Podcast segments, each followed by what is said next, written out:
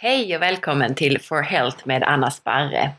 Idag ska vi prata om rött kött och om hur bakterierna i våra tarmar kan styra vad vi väljer att äta. Spännande, eller hur? Om ni är nyfikna efter avsnittet så hittar ni mer information på forhealth.se.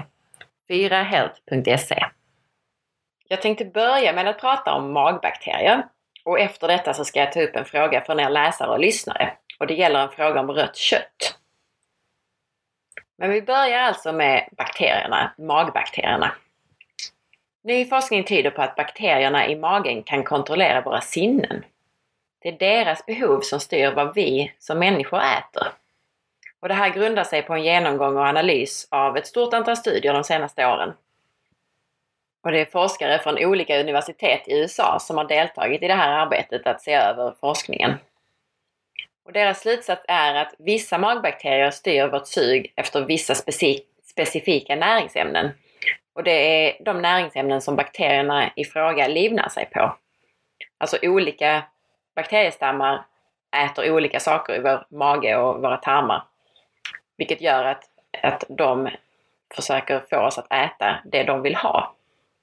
Alltså ett stort antal av mikroberna i vår magtrakt har då en manipulativ förmåga. De får oss att äta mer av vissa näringsämnen och på så vis gynnas de i kampen om utrymmet i vårt inre. Och forskarna skriver bland annat i sin rapport att individer som har cravings efter choklad har ett annorlunda eller de har annorlunda eh, mikrobiska metaboliter, alltså eh, ja, nedbrytningsprodukter eh, från bakterierna i sitt urin än vad de som inte har cravings efter choklad har. Även om de blir matade med identiska dieter eller identisk kost. Spännande va? Och bakterierna kanske inte bara skapar cravings utan påverkar vårt humör. Gråtande kolikbarn har nämligen i studier kopplats till förändringar i magbiomet, alltså bakteriefloran. Och de olika arterna av bakterier i vårt tarmsystem kämpar hårt för att behålla sina nischer i det här ekosystemet. De som har förmågan att lura värdorganismerna, i det här fallet vi människor, de har en klar fördel. Och exakt hur det här går till, det är inte helt klart än. Men forskarna de tror att effekten den åstadkoms av signalsubstanser som mikroberna producerar, alltså som bakterierna producerar och frigör i magtrakten. Och molekylerna når sedan våra nervceller där de påverkar vårt beteende. Bakterierna kan eventuellt förändra hur receptorerna för smak uttrycker sig så att viss mat smakar godare. På engelska så kallar man det här för expression of taste receptors. Och de kanske också utsöndrar aptithormoner. Alltså bakterierna skulle utsöndra aptithormoner som gör oss hungrigare. Och en viktig roll spelas av vagusnerven eller vagus nerve som den heter på engelska, som kopplar samman miljontals nervceller, framförallt i magtrakten, med hjärnan. Och vagusnerven är en lång nerv som påverkar bland annat matsmältningssystemet, hjärtat och lungorna. Men den tar också emot information från olika organ.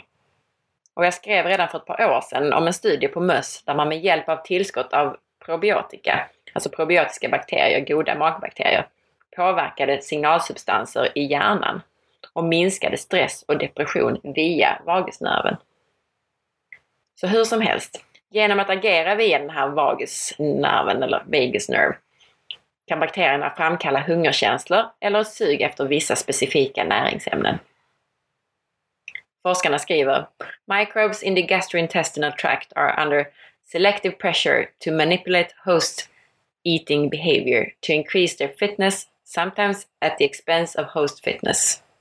Microbes may do this through two potential strategies generating cravings for foods that they specialize on or foods that suppress their comp- competitors, or inducing dysphoria until we eat foods that enhance their fitness. Så det jag säger här är att bakterierna har två potentiella strategier. Antingen så är det så att de genererar cravings för, efter den mat som de överlever på.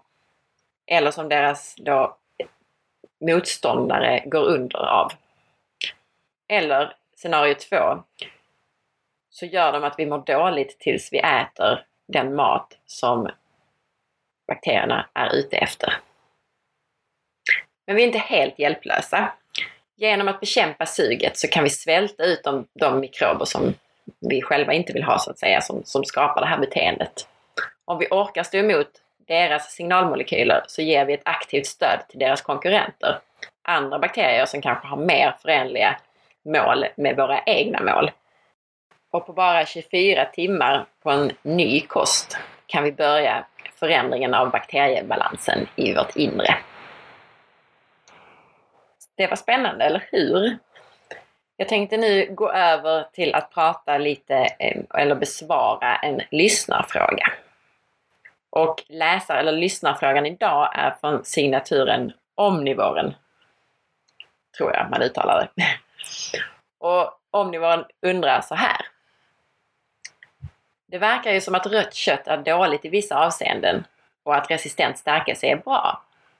Men rött kött är sämre ur den undersökta aspekten än andra prote proteinrika livsmedel som inte innehåller resistent stärkelse eller andra fibrer som gynnar tarmfloran.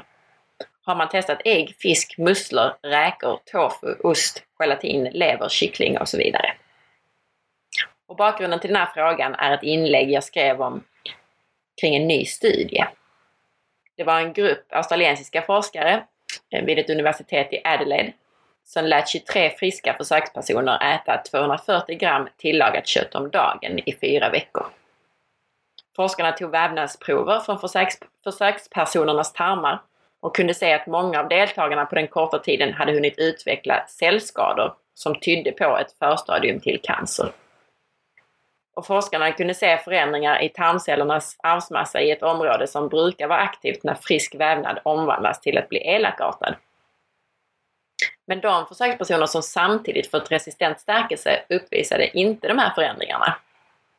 Och med det sagt så vill jag betona att jag ändå inte anser att rött kött eller kött överlag är farligt. Min slutsats av den här studien är att den tyder på att kött bör kombineras med lösliga fiber, grönsaker och eller resistent stärkelse. Och som svar vill jag säga som så. Egentligen så finns det inte några riktiga bevis på att rött kött skulle vara farligt. Den här studien är den första som jag sett som faktiskt visat någonting, men den är väldigt liten. Man vet egentligen inte varför rött kött i så fall skulle kunna göra skada, men det finns några teorier eller spår. För det första, anledningen till att enkätstudier på kött ger sådana här farliga eh, resultat inom citationstecken är med största sannolikhet nitriterna som är tillsatta i all korv, all bacon, charkuterier och vissa andra köttprodukter. Till och med i ostar kan man se det, så läs innehållsförteckning för guds skull. Nitriter är ett konserveringsmedel som i studier har visat sig vara cancerframkallande. Så de flesta sådana här veckotidningslarm om att rött kött skulle vara farligt, det är på felaktig eller dålig grund. Sådana här observations eller enkätstudier. För det andra, rött kött är svårsmält. Och enligt bland annat Charlotte Erlandsson Albertsson, som många av er känner till och som kanske inte har jättebra koll på just eh, fett och fettrik kost, men i övrigt så har hon faktiskt väldigt bra koll på många saker. Enligt henne så kommer en del av köttet vi äter ner osmält i tjocktarmen. Och när det där angrips av bakterier så bildas nitrosaminer som kroppen uppfattar som främmande. Och det kan leda till en immunrespons, bland annat inflammationer i tarmen.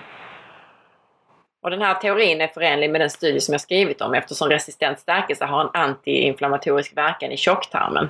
Och det har jag skrivit om bland annat i ett inlägg som handlar om att ketoner har en liknande antiinflammatorisk verkan som en god magflora. Så in och sök på forhealth.se. Uppe i högra hörnet finns en sökruta om du är vill läsa mer om det här. Så det var den andra teorin, eller det andra spåret. Det tredje spåret är att rött kött steks och grillas i regel oftare och hårdare än vitt kött. Och de ämnen som bildas då är cancerframkallande. Och det fjärde spåret handlar om homocystein. Och det glömde jag faktiskt skriva i svaret. Jag har även besvarat frågan i skrift på forhealth.se.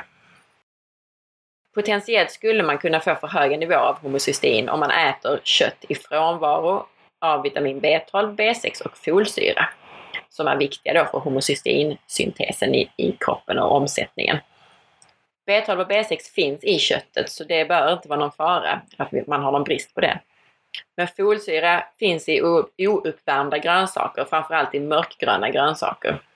Så att äta försiktigt tillagad eh, broccoli, äta rucola och, och babyspenat och så vidare till köttet kan ju vara en strategi där. Homocystein är känsligt för oxidation och när homocysteinnivåerna är för höga så bidrar det till oxidation, alltså bildning av fria radikaler, vilket har en koppling till cancerrisk. Och det kan också påverka kroppens stödjevävnader och nervcellsreceptorer. Så det man kan göra själv är bland annat att hellre ångkoka och laga i ugn och att äta fiberrika och även då mörkgröna grönsaker till sitt kött. Dessutom kan man gärna ta tillskott av resistent stärkelse.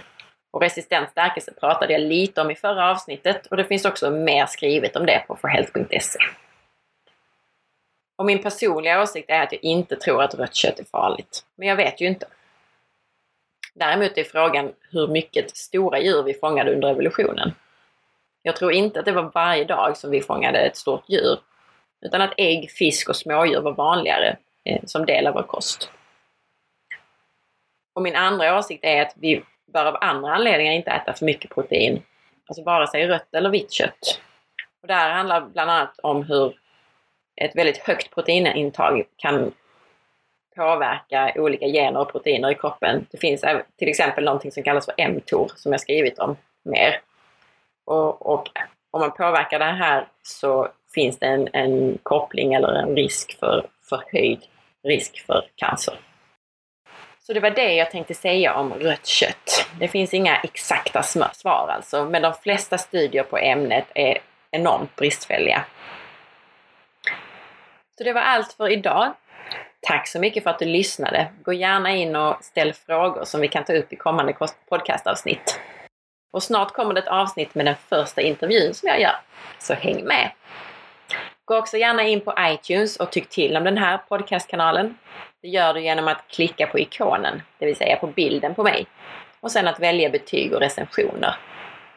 Väl där klickar du på stjärnorna. Klickar du längst till höger så markerar du alla, alla fem stjärnor. Det vill säga om du tyckte att det var bra. Och klickar du längst till vänster så blir det bara en stjärna. Om du tyckte att det var sämre. Du kan på samma sida trycka på knappen Skriv recension och skriva en mening om vad du tycker. Om du vill dela med dig av avsnittet till en vän så klickar du på pilen bredvid knappen Prenumerera och väljer antingen att kopiera länken och klistra in i ett mail till din vän eller att dela på Facebook. Glöm inte heller att titta in nu då på forhealth.se för att ställa frågor. Och frågorna ställer du i kommentarerna till blogginläggen. På återhörande och ha en härlig dag!